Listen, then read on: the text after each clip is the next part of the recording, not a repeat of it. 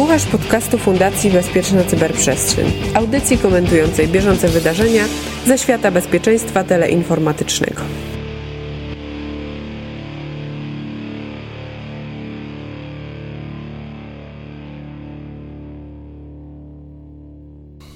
Dzieje się, pojawiają się nowe, ciekawe błędy, niektóre z nich mogą mieć opłakane skutki dla wprowadzonych w błąd.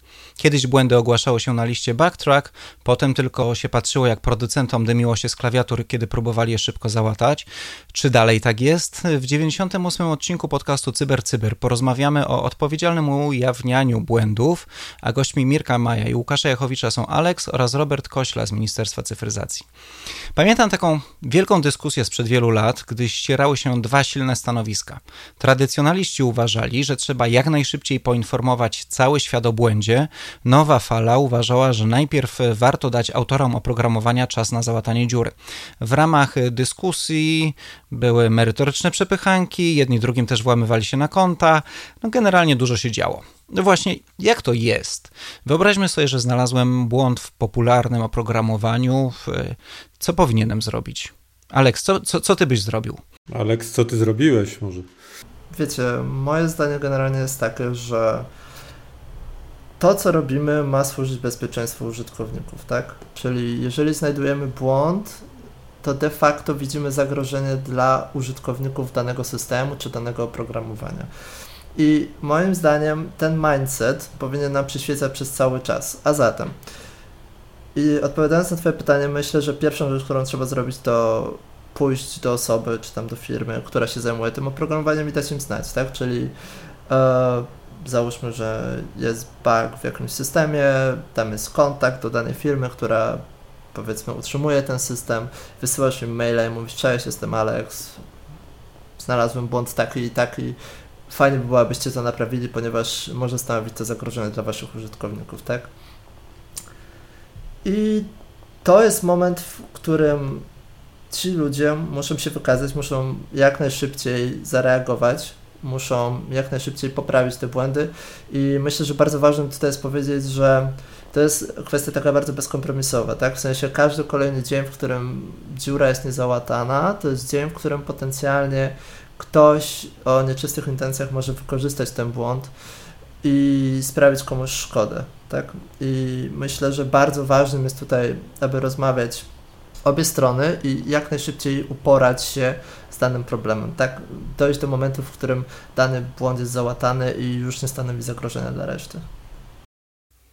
No ale co zrobić w sytuacji, kiedy producent oprogramowania, tak z, różnych raportów to wiem, e, nie do końca ma ochotę na szybkie załatanie albo uznaje, że to nie jest bug, tylko feature i want fix? E, to jest świetne pytanie i myślę, że generalnie tutaj ja poczuwam się wtedy jako badacz bezpieczeństwa do naciskania, tak? Jeżeli wiem, moja wiedza pozwala mi powiedzieć, że faktycznie jest to zagrożenie, to trzeba naciskać. W sensie trzeba pamiętać o tym, że takie podejście, tak, ktoś powie, że nie będzie tego łatał, może się bardzo szybko obrócić przeciwko nim, tak?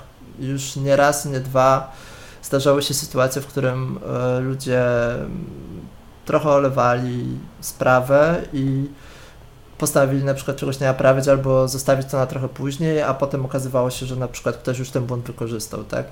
Dlatego naciskam na to, że czas jest tutaj krytyczny, tak? Że od momentu, kiedy bug został wykryty, do momentu, kiedy on zostanie załatany, powinno minąć możliwie jak najmniej czasu.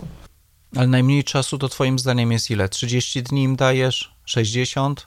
A jak w ogóle nie odpowiedzą, to co robisz? Wiesz co, jeżeli chodzi o taki timeline, to myślę, że 30 dni to jest dobry timeline, w sensie jeżeli w ciągu 30 dni ktoś nie jest w stanie w ogóle, wiecie, naprawić jakiegoś błędu, który de facto zagraża ich użytkownikom, ich klientom, to myślę, że tutaj jest coś już, coś złego się dzieje i być może trzeba dać na to więcej światła, powiedzieć ludziom, co się dzieje, tak? Powiem szczerze, że nie miałem jeszcze sytuacji, a bezpieczeństwem już się kilka lat zajmuję, w której zostałem odsunięty na tyle, że po 30 dniach nie dostałem informacji, że dobra, łatamy, tak? nawet nie, że będzie załatane, ale że już ktoś nad tym pracuje, tak? Bym Cię zachęcił do wysłuchania e, kilku naszych podcastów, bo z Łukaszem chyba parę razy co najmniej omawialiśmy takie sytuacje, gdzie te 30 dni to w ogóle nie było zero reakcji, ale to Zgadzam się, te 30 dni zresztą od wielu lat funkcjonuje jako taki, e, taki wyznacznik czegoś, co jest minimum przyzwoitości i, i pewnie rzeczywiście należałoby jeszcze po drodze dodać gdzieś taki czas, który daje się zazwyczaj, bym powiedział, na taką reakcję, czy w ogóle ktoś się tym zajmuje, bo to jest istotne, prawda? Bo nieraz jest też tak, że mamy do czynienia naprawdę z czymś bardzo, bardzo trudnym i, i nawet e, jest trudne, żeby to w 30 dni rzeczywiście załatać. I to są jakby inne jeszcze, e, jeszcze historie. Myślę, że jeżeli ktoś powiedział nam, że już nad tym pracuje, ważna jest też dobra wola z obu stron, tak? Jeżeli ja na przykład, wiecie, dostaję Dost, załóżmy, dostałbym po tygodniu czy dwóch informację, dobra, potwierdziliśmy, mamy repro, jesteśmy w trakcie pracy nad naprawą, tak? To jest trochę co innego niż kiedy, wiecie, człowiek czeka 30 dni i nie dostał nawet maila zwrotnego, tak? W sensie tu chodzi o pewien rodzaj dobrej woli i chęć pracy w tym kierunku, tak?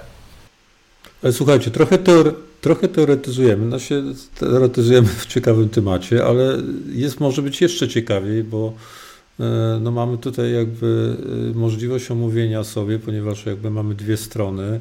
Konkretnego przypadku, który opisaliśmy, e, jest ta informacja na stronach Fundacji Bezpieczna Cyberprzestrzeń, gdzie właśnie Aleks, ty znalazłeś słabość, podatność w systemie mój gov.pl i zgłosiłeś ją, no i ona została obsłużona. No, na, naszym zdaniem z tej obserwacji dziękujemy tutaj za zaufanie, które jakby ci, którzy uczestniczyli w tym procesie nas e, też e, obdarzyli, żebyśmy gdzieś e, poinformowali o tym świat. No i w naszej ocenie to wyglądało porządnie. To może po prostu opowiedzmy sobie o tych niuansach rozsądnego, jak tłumacząc wprost z angielskiego, ujawniania informacji o podatnościach, jak było to w przypadku serwisu mójgov.pl. No to Myślę, że w tym momencie być może warto byłoby zacząć od timeline'u w ogóle całej operacji, od czego się zaczęło. I czego wiecie, dotyczyła w ogóle, prawda? Jaka, tak. jaka to była podatność?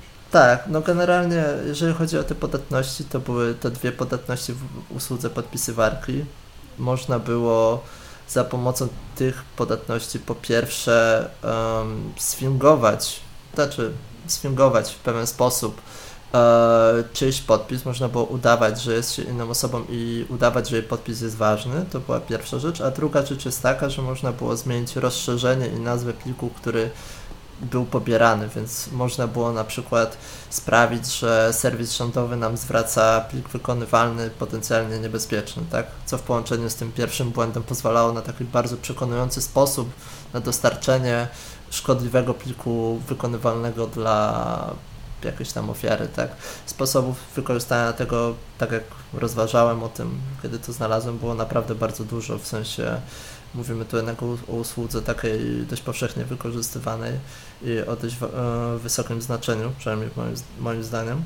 A propos tego timeline'u, to pamiętam, że maila pierwszego wysłałem, to był bodajże 20 kwietnia, 22 z kolei wysłałem kolejnego maila do CERT Polska, aby trochę poszerzyć zasięg, ponieważ przyznam też szczerze, że nie wiedziałem do końca, do kogo się zgłosić. No i generalnie po tym, jak już cała sprawa jakby ruszyła, tak? To znaczy, zacznijmy od tego, że tego samego dnia, kiedy wysłałem mail do CERT-u, dostałem potwierdzenie, że zostało to przekazane dalej. To zostało przekazane, jeżeli się nie mylę, do E, CIRT.gov i do Departamentu Cyberbezpieczeństwa w Ministerstwie Cyfryzacji. I z tego, co ustaliliśmy, to już tydzień później, po 7 dniach, ten błąd był naprawiony 29 kwietnia. Ja pamiętam, że 4 maja um, eksplicite wszedłem jeszcze raz na stronę, aby sprawdzić, czy te błędy jeszcze są i on, one już tam nie były, tak? Więc ja już wiedziałem 4 maja, że to jest na pewno naprawione, nie wiedziałem tylko już, czy to było naprawione dzisiaj, czy wczoraj, czy parę dni temu. Także generalnie muszę powiedzieć, że z perspektywy badacza bezpieczeństwa, tak, i z perspektywy osoby, który, osoby cywila, który podszedł do systemu rządowego i miał taką pierwszą tak naprawdę współpracę publiczno-prywatną, jestem naprawdę bardzo, bardzo pozytywnie zaskoczony w tym sensie, że um, była, wiecie, cała sprawa została potraktowana poważnie, a reakcja była szybka, tak, w sensie 7 dni na rezolucję, to był moim zdaniem dobry czas, tak, w sensie w ciągu tych 7 dni tak naprawdę sprawiliśmy, że zagrożenie zostało zneutralizowane i dalej pozostała już kwestia tylko tak naprawdę spisania tego, co się stało i zrobienia tej komunikacji publicznej. I to też jest to kolejna rzecz, która mnie tak fajnie, pozytywnie zaskoczyła, że był tutaj nacisk na to i chęć, abyśmy poinformowali tak szeroko opinię publiczną na temat tych błędów. Mamy przecież tego newsa na stronie e, Ministerstwa Cyfryzacji, mamy raport bardziej techniczny na stronie fundacji. To są wszystko bardzo fajne rzeczy i wiecie, z mojej perspektywy cieszę się, że tak to wyszło, cieszę się, że e, strona rządowa jakby zaangażowała się aż tak mocno w tą sprawę. Robert, y, jako reprezentant strony rządowej, czy to jest y, wypadek przy pracy, czy są procedury na, te, na, ta, na, taką sytuację przewidziane i po prostu wszystko potoczyło się zgodnie z procedurami, a może to był taki pierwszy przypadek i te procedury właśnie się tworzą? Ja myślę, że to nie był wypadek przy pracy. Y, myślę, że to był dobry, dobry zbieg okoliczności. Po pierwsze, bardzo profesjonalnego podejścia do tematu zgłoszenia podatności przez, przez Alexa, przez Intela. Z drugiej strony przekazanie tej informacji do, do właściwego kanału. Trafiła ta informacja do zespołu e, CESIRT NAS, który komunikował się w tej sprawie również z CESIRT e, e, GOV, odpowiedzialny za administrację rządową, bo podatność dotyczy systemu rządowego ale równolegle myślę, że też w ramach tych działań istotne było to, że zespół, który zarówno budował system, w którym funkcjonuje podpisywarka, jak i również ten zespół, który rozwija platformę gov.pl, to jest zespół, e, nasz własny zespół Ministerstwa Cyfryzacji i zespół Centralnego Ośrodka Informatyki, więc ta reakcja mogła być praktycznie natychmiastowa. Po otrzymaniu informacji o, o podatności natychmiast zostało to przekazane kolegom, którzy odpowiadają za utrzymanie oprogramowania, celem przeprowadzenia analiz rzeczywiście i potwierdzenia tej, tej informacji i sprawdzenia, na ile rzeczywiście mamy do czynienia z podatnością w, i, czy tylko w podpisywarce, czy jeszcze gdzieś tego typu mechanizmy, czy y, błędy implementacyjne gdzieś nie były replikowane w innych komponentach. Stąd można powiedzieć o, zbiegu okoliczności, bardzo dobrych okoliczności, tych wszystkich rzeczy, które, które wpłynęły na to, że dostaliśmy tą informację w miarę wcześnie, że mogliśmy sami się tą informacją zająć, w sposób prawidłowy podejść do obsługi informacji o incydencie. W ogóle mnie to zachwyciło to, że e, Alex e, postanowił przyjrzeć się systemom gov.pl i jakoś chyba nie bardzo się wahał e, ich użyć. Mam a, a, a też z drugiej strony podejrzewam, że systemy gov.pl bywają obiektami ataków. Czy jest w ogóle jakaś taka procedura, że ja jako niezależny badacz bezpieczeństwa chciałbym się przyjrzeć waszym systemom, tylko nie chciałbym być e, złapany i oskarżony o coś, e, o przestępstwo, którego nie popełniłem, e, cytując drużynę A. I czy, czy, czy planujecie może odpalać jakieś programy bounty albo we, wchodzić w, ko, w komunikację z researcherami bezpieczeństwa społeczeństwa, którzy chcą dopiero się przyjrzeć, jeszcze nic nie znaleźli, e, ale też nie chcą za bardzo denerwować tego dużego wilka, który gdzieś tam stoi. Ja myślę, że popularność serwisu gov.pl, ona e, szczególnie w ostatnim okresie, w okresie ostatniego roku zdecydowanie wzrosła, szczególnie również wykorzystanie samego profilu zaufanego.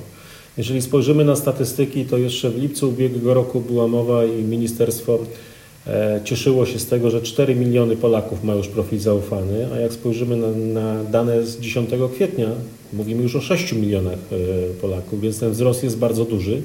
Co więcej, myślę, że sytuacja związana z pandemią spowodowała to, że e, sposób komunikacji elektronicznej był jedynym sposobem, jakim można było komunikować się z administracją. Stąd nawet mieliśmy do czynienia z większym wzrostem zainteresowania. Odpowiadając na to pytanie dotyczące tego, czy jest jakiś mechanizm dla innych badaczy, dla innych dżentelmenów e, cyberprzestrzeni, którzy chcieliby rzeczywiście pochylić się nad weryfikacją e, odporności systemów i usług na platformie gov.pl. Myślimy nad tym. Co więcej, nie tylko myślimy, ale również wprowadziliśmy odpowiednie, odpowiednie odniesienia w strategii cyberbezpieczeństwa na lata 2019-2024, która została przyjęta przez, przez rząd w październiku ubiegłego roku. I tam w strategii można znaleźć konkretne odniesienia do, do jednego z celów, które zostały zdefiniowane, a tym celem jest podnoszenie poziomu odporności systemów e, administracji publicznej i sektora prywatnego e, oraz osiągnięcie zdolności do skutecznego zapobiegania i, i reagowania na incydenty. I tutaj przede wszystkim jest mowa o testach i audytach cyberbezpieczeństwa, a w ramach tego podpunktu przewidujemy również e, wprowadzanie programów typu bug bounty. Oczywiście e, przy, e, w sytuacji takiej, kiedy odwołaliśmy się do mechanizmu stosowanego już w wielu państwach, w którym są programy bounty, mieliśmy pytania i to zresztą pojawiło się przy uzgadnianiu samej strategii, czy bounty jest zgodne z polskim prawem, czy de facto zachęcanie do tego, żeby próbować przełamywać zabezpieczenia w celu weryfikacji ich odporności na, na ataki, czy jest, czy jest zalegalizowane. Więc myślę, że e, odpowiedź na to pytanie jest e, tak samo, e, tak samo trudna, jak odpowiedź na pytanie, czy zwalczanie, e, zwalczanie wykorzystywania dzieci, czyli analiza treści pedofilskich przez zespół dyżurnet, który funkcjonuje w NASK-u, czy można zgłaszać, przesyłać informacje o no, treściach pedofilskich, wysyłać próbki tych treści i czy ten zespół może dysponować w ogóle takimi treściami, bo de facto stosując przepisy wprost i bezpośrednio, to, to nie może. I stąd ta, ta, dyskusja, która się toczyła również z udziałem kolegów z, z prokuratury, z, z, z, policji, no, patrzymy na cel tego działania. Jeżeli cel jest ściśle zdefiniowany, jeżeli określimy zasady, a, a w programach Bagbanty powinny być określone zasady, Dodatkowo jeszcze, żeby dobrze zrobić bugbanty y, y, bez potencjalnych szkód dla środowiska operacyjnego, które jest wykorzystywane do świadczenia krytycznych usług, najczęściej robi się to w wydzielonym środowisku, które ma te same cechy, które, które ma pierwotne środowisko. No to wtedy w takim środowisku kontrolowanym przy określonych zasadach ma to wtedy sens, co więcej jest to bardzo przydatne, dlatego też uznaliśmy, że konieczne jest wpisanie tego typu przedsięwzięć do strategii. A przechodząc na poletko bardziej globalne, bo rozumiem, że jeżeli ty jesteś odpowiedzialny za y, infrastrukturę polskiego rządu i zgłaszane są błędy dotyczące tej infrastruktury, to dla ciebie najlepszym rozwiązaniem jest, kiedy te błędy są zgłaszane tobie, a nie gdzieś tam publicznie. Ale wyobraź sobie sytuację, że ktoś znajduje błąd w jakimś bardzo popularnym oprogramowaniu niepolskim, które jest wykorzystywane również przez polską administrację. I teraz, y, jakbyś, w której sytuacji byś czuł się bezpieczniejszy? Czy gdyby funkcjonował taki system jak y, między tobą i Aleksem, czyli jest y, odpowiedzialne ujawnienie i tak dalej, ale wtedy na przykład być może dowiecie się o tym błędzie jako polska administracja za 2-3 miesiące, kiedy on zostanie naprawdę załatany, a przez te 2-3 miesiące ktoś inny może korzystać z tego samego błędu, bo być może sam na niego wpłat, wpadł, a może dla Was lepszym rozwiązaniem byłaby ta stara metodologia, kiedy się po prostu wchodziło na backtracka i mówiło: Słuchajcie, popatrzcie, jest ten wielki, znalazłem bug w popularnym oprogramowaniu. Teraz Wy sobie szybko zabezpieczcie swoje systemy, a producent niech łata. No to odpowiedź jest, z mojej strony odpowiedź jest oczywista. No, na, na pewno to stare podejście nie jest najlepsze, co zresztą Widzimy w wielu państwach, jak to funkcjonuje i najczęściej ci, którzy odnajdują tego typu podatności, są zachęcani chociażby do kontaktów z zespołami CERT, które funkcjonują w tych państwach, które funkcjonują najbliżej nich. Mieliśmy też w przeszłości sytuacji tak, sytuacje takie, kiedy, kiedy no w ramach, e, e, można powiedzieć, działań promocyjnych też zespoły bezpieczeństwa z jednych firm ujawniały podatności dotyczące E, produktów innych firm. No, znane przykłady działań, działań ze strony Google'a, który po tym, jak przekazał informacje do Microsoftu o, o podatności, w, o podatności umożliwiającej omijanie mechanizmów e, bezpieczeństwa sandboxingu, e, po 10 dniach już ujawnił informacje publicznie, więc nie, nie dał, można powiedzieć, de facto dużego czasu na, na reakcję ze strony producenta. Więc no, to było ładnych parę lat temu, ta, ta sytuacja się zmieniła, wprowadzono inne trochę procedury również, również w samym Google i myślę, że inne podmioty też te procedury dają, dają jednak czas na, na konkretną reakcję. To ma uzasadnienie, ujawnianie tego publicznie, jeżeli nie ma rzeczywiście reakcji, to długiej reakcji. Natomiast jeżeli chodzi o Polskę, to my przede wszystkim budowa Krajowego Systemu Cyberbezpieczeństwa i powołanie trzech zespołów na, działających na poziomie krajowym, zespołów reagowania na incydenty bezpieczeństwa i wskazanie e, tych zespołów do kontaktów. Oczywiście może być sytuacja oporu, e, takiego wewnętrznego oporu, e, kontaktu z zespołem CSIRT.gov, który funkcjonuje w strukturach Agencji Bezpieczeństwa Wewnętrznego. Może być problem w przypadku niektórych osób, żeby zgłaszać informacje o podatności do CESIRT MON funkcjonujących w strukturach wojskowych, ale już zgłaszanie tego typu podatności do CESIRT NAS, który funkcjonuje w środowisku akademickim od wielu, wielu lat, y, Mirek jeszcze tworzył, pomagał, współtworzył ten, ten zespół y, w strukturze NASK-u. Myślę, że tutaj nie ma tych, tej, tej blokady, tego oporu, że że e, donosimy, że wskazujemy, że ta informacja może być wykorzystana w sposób e, nieprawidłowy. Więc na pewno ten model jest modelem preferowanym, modelem, który powinien przynieść wszystkim korzyści i również myślę, że e, przy takim modelu jest możliwe i co, co ten przykład pokazał, również podkreślenie roli i ujawnienie informacji o tej osobie, która sobie tego życzyła oczywiście, bo Alex Alex y, zgodził się na to, żeby y, mówić o tym, że, że, że, od niego pochodziła ta informacja. Więc jest też możliwość pokazania, docenienia roli tej, tej osoby, która poświęciła swój czas i znalazła te podatności. A jeżeli mówimy o backbanky, co więcej, myślę, że to będzie też program, który, który będzie mógł no, y, poza samymi korzyściami takimi dotyczącymi ujawnienia czy przekazania samej informacji, za wieloma programami Backbanty na świecie kryją się również korzyści bezpośrednie w postaci nagród y, finansowych, w postaci innego typu sposobu y, docenienia takich osób. Y, kryją się takie korzyści, w ogóle kryją się takie korzyści, że ci, którzy je organizują, dużo pieniędzy oszczędzają, bo to pokazują też te badania, że to są najtańsze i najefektywniejsze Tutaj zaraz Łukasz się włączy, jak powiem testy bezpieczeństwa, no, czy testy penetracyjne, bo wiadomo, że to nie są kompletne. To już szybko sobie wyjaśnijmy, nie przechodźmy na ten temat, był w jednym z podcastów. Natomiast chętnie się odniosę do, do, do, tego problemu dotyczącego, która z tych metod, tak? czy, czy na backtracku, czy, czy jak ktoś zgłasza. Oczywiście, jak ktoś zgłasza, to wygląda, jesteśmy blisko cywilizowanego modelu, tak, który byśmy chcieli wszyscy sobie życzy, życzyli. Natomiast no, życie jest takie, że będzie jedno i drugie, tak, to nie, nie ma żadnej wątpliwości. I e, swego czasu czytałem takie dwa bardzo ciekawe e, badania na temat funkcjonowania dwóch największych baz e, podatności na, na świecie. Czy wiecie w ogóle, jakie to są bazy? Jedna, jedna jest powszechnie znana. I to jest oczywiście baza NVD, NIST-u amerykańskiego, gdzie tak zwane CVE wszystkie możemy sobie przeglądać. A druga, nie mniejsza, to to gdzie jest?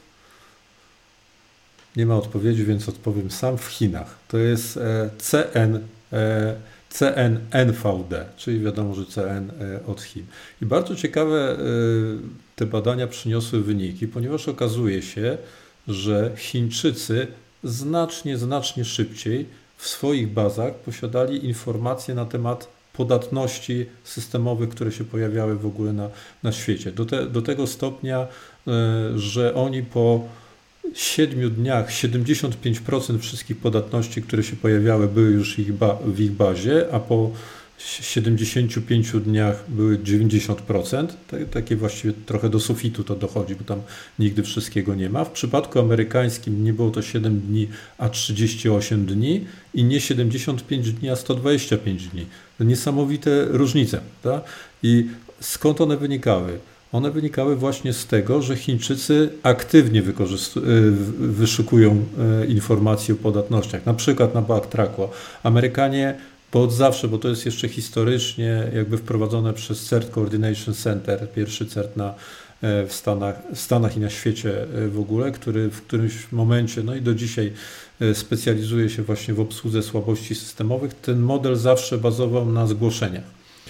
To zresztą też pewną, pewną dyskusję wywołało w Stanach Zjednoczonych, jak to powinno wyglądać, bo to powinno być jedno i drugie, tak, żeby, żeby kompletnie mieć cały, cały e, zestaw tak, tych, tych informacji. Natomiast drugie, co chciałem powiedzieć, mnie bardzo cieszy tutaj w ogóle ta, ta dyskusja, dlatego że ona zawiera, z tego co słyszę, właściwie wszystkie to, to, co Robert mówił, to, co Alex mówił, to ona zawiera wszystkie najlepsze praktyki, jak sobie próbuję porównać, odświeżyć w pamięci, albo wręcz nawiązać do oficjalnych dokumentów. W tej chwili jest w Stanach Zjednoczonych taka akcja Improving Vulnerability Disclosure Together i to jest, to jest akcja e, jakby rządowa, tak, e, która ma doprowadzić do tego, że, na, e, że wszystkie serwisy rządowe online właściwie powinny być, powinny im towarzyszyć zawsze polityka dotycząca obsługi podatności, jak je zgłosić i tak dalej. I te, i te elementy, które tu sobie omawiamy, na przykład to, co Robert powiedziałeś, że super, że Alex się, znaczy chciał się zidentyfikować, tak, powiedzieć, że to właśnie, właśnie on zrobił. I to jest jedna z zasad na przykład tej polityki, że do tego na przykład nie można zmusić, tak, to znaczy nawet na, na poziomie zaraportowania, nie tylko później ogłoszenia E, światu, że to ten zrobił, jakieś kredyty, bo to zazwyczaj z tym jest związane, ale nawet, że ta polityka musi zapewniać anonimowość, możliwość zgłoszenia. I ileś tam, ja nie chcę ich teraz wymyślać, E, znaczy nie tyle wymyślać, co, co przywoływać. E, one są wszystkie bardzo, bardzo e, praktyczne, zresztą są jakby wzorcowe takie, takie do, dokumenty. Ta akcja będzie się rozwijała i mi podsumowując już swoją, może trochę przydługą wypowiedź, marzyłoby się, żeby na przykład ten przypadek bardzo pozytywny wykorzystać do tego, żebyśmy spróbowali zapanować nad lekką, lekkim, dzikim zachodem, który ja uważam, że w Polsce mamy pod względem ja bym powiedział, nie tyle zgłaszania, co chwalenia się wszystkimi y, po prostu zdobyczami, na, jeżeli chodzi o słabości, kto jest słaby, tamten ma dziurę i takie po prostu, oczywiście ileś rzeczy się dzieje pozytywnie, tak jak to, o, zazwyczaj o nich nie słyszymy. Słyszymy zazwyczaj o tych po prostu rzeczach, gdzie jest przepychanka e, w socialach, w social mediach o tym, kto jest jak dziurawy e, i tak dalej. Może jest dobry moment do tego, żeby spróbować to ucywilizować. Ja w ogóle chciałem jeszcze powiedzieć, że z mojego punktu bez... widzenia jako badacz bezpieczeństwa zawsze, kiedy pracuję z jakimś podmiotem, kiedy znajduję jakąś podatność, mogę powiedzieć, że bardzo ważne dla mnie jest moje bezpieczeństwo, w sensie nie tylko mi, ale też innym badaczom, wiem, bo jak rozmawiałem, mówili, że zdarzają się sytuacje, w których ktoś źle reaguje na to, że im się zgłasza jakąś podatność, albo wręcz uważałem, że jest to jakaś próba ataku i próbuję wręcz komuś grozić. W sensie. Tak, tak, no są zastraszenia tak, przez działy prawne. Tak. tak, to znane przypadki są oczywiście. Tak jest. I ważnym jest, żebyśmy my, jako badacze bezpieczeństwa, mogli czuć się bezpiecznie, mieli tą bezpieczną przestrzeń do zgłaszania, tak? I myślę, że jest to bardzo ważne, aby tutaj też jako ten przypadek to dobrze pokazuje, tak, że, y, że jest ta bezpieczna przestrzeń, że e, w momencie pracy z takim podmiotem jak rząd, tak, które może się ludziom kojarzyć, że wiecie, że to jest aparat władzy, że może być niebezpieczny dla kogoś, tak, że, e, że nie, że, że można robić tę współpracę prywatną, publiczną i że jeżeli masz dobre intencje i chcesz pomóc, to nie będzie tak, że ktoś ci będzie robił problemy, tylko wręcz przeciwnie, tak jak mówisz, ktoś zostanie doceniony, że będzie z tego pozytywna historia dla wszystkich. Robert, to kiedy będziemy mieli takie rządowe e, Responsibility Disclosure Policy, które będzie towarzyszyło serwisom rządowym albo chociażby serwisowi gov.pl? Jak to zrobić po, po kolei i jakie, jakie są zasady w jedną i w drugą stronę? Jest szansa na coś takiego? Szansa jak najbardziej jest i dlatego, dlatego odwołałem się do strategii cyberbezpieczeństwa, dlatego że strategia, do, do, strategii musi powstać plan działań i ten plan działań obejmuje wszystkie obszary zdefiniowane w strategii, więc również będzie obejmował kwestie związane z, z przeprowadzeniem testów i audytów bezpieczeństwa, bo pod takim, pod takim, e, w takim rozdziale zostały umieszczone te odwołanie do, do programów typu Bug Bounty. I na pewno tak, i tutaj będziemy oczekiwali na, na współpracę z, ze środowiskiem, z ekspertami w tym zakresie. Będziemy bazowali na doświadczeniach z innych państw, jak, jak tego typu programy są e, przygotowywane. E, są na to środki finansowe również, żeby to, żeby to sfinansować. Tak jak powiedziałeś, no, bardziej opłaca się inwestować w tego typu program, aniżeli w usuwanie skutków podatności, które zostały wykorzystane przez kogoś, a naj, najczęściej w celach e, przestępczych. I tutaj Tutaj zgadzam się z, z Twoją oceną, że no, niestety czasami i tutaj może to nie jest jakiś, nie powinniśmy mówić tutaj o polskim, polskim piekiełku, że, że, czy polskich trendach, bo, bo te, te, te, te zjawiska zdarzają się wszędzie. Pogoń za, za, za, za sławą, za fejmem tak zwanym. Mam nadzieję, że oczywiście unikniemy tutaj syndromu cyberpudelka, że ja, ja znalazłem to, tamto i owam to i bardzo się z tego cieszę i bardziej pójdziemy w kierunku takiego może wspólnego podejścia, takiej wspólnej akcji, nie wiem, hashtag CyberMe, tak, no, gdzie CyberMe to wszyscy składają się i wszyscy biorą udział w tym podnoszeniu poziomu cyberbezpieczeństwa, zarówno ci, którzy edukują, jak i ci, którzy włączają się aktywnie, jak i ci, którzy współpracują, pomagają innym, jak, jak, jak lepiej zabezpieczyć ich systemy. Więc no, to jest oczywiście trochę utopijne, no ale myślę, że, że społeczeństwo obywatelskie, gdzie, gdzie angażujemy y, osoby, które mają wiedzę, mają doświadczenie, mają chęci i poświęcają swój prywatny czas, e, no to patrząc na to dobro wspólne, o którym mówił też Aleks, no to to jest ten kierunek. No pytanie na ile, na ile rzeczywiście i tutaj ja nie jestem, jestem realistą i nie jestem idealistą i na pewno zawsze będzie ten procent y, osób, które i tak będą działały w tej niekoniecznie białej strefie i niekoniecznie w szarej strefie, ale, ale bardziej w czarnej strefie.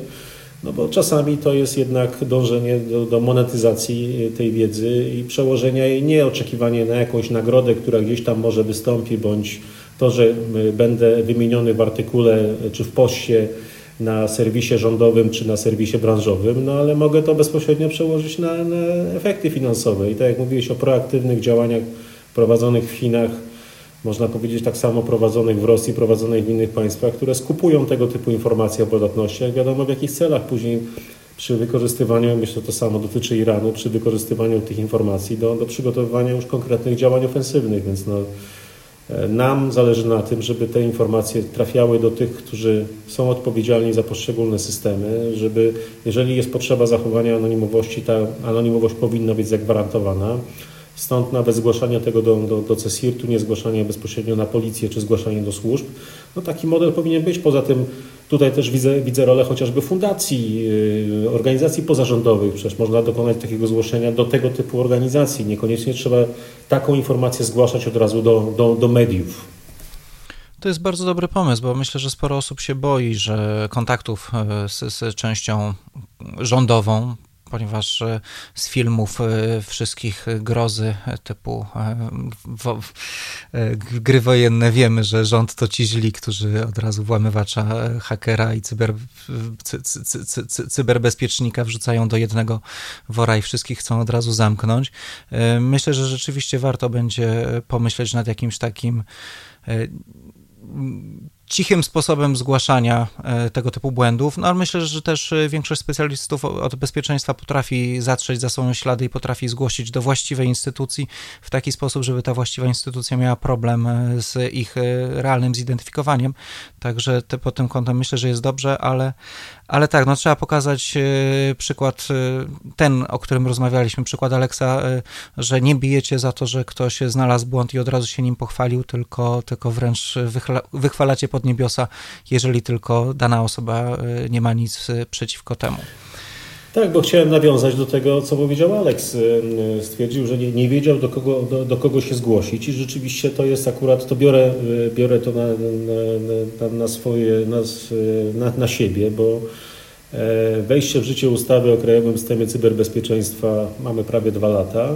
No widać, że powinniśmy robić więcej do tego, żeby propagować to, w jaki sposób te informacje zgłaszać. Zresztą podobnie było w przypadku incydentów z ostatniego okresu czasu, incydentów, do, które dotykały jednostek samorządu terytorialnego, atak na gminę Kościerzyna, gdzie tam też okazało się, że e, podmiot zaatakowany nie za bardzo wiedział, do kogo się zgłosić w tej sytuacji, do kogo zgłosić w ogóle sam fakt ataku czy podejrzenia ataku. Więc dlatego staramy się promować na tym przykładzie, Również też promujemy, mówimy o tym, do kogo, do kogo się zgłaszać, więc najlepiej, jeżeli ktoś ma wątpliwości, nie wie, czy jest przedmiotem ataku, czy jest celem ataku, incydent.cert.pl można zgłosić tam różnego typu sytuacje. My na co dzień dostajemy, nawet dzisiaj otrzymałem korespondencję, dostajemy na skrzynkę Ministerstwa Cyfryzacji, że ktoś ma wrażenie, czy ma podejrzenie tego, że e, dane e, na określonej stronie podał swoje dane. I nie jest przekonany co do tego, czy ta, czy ta strona była stroną autentyczną, czy nie była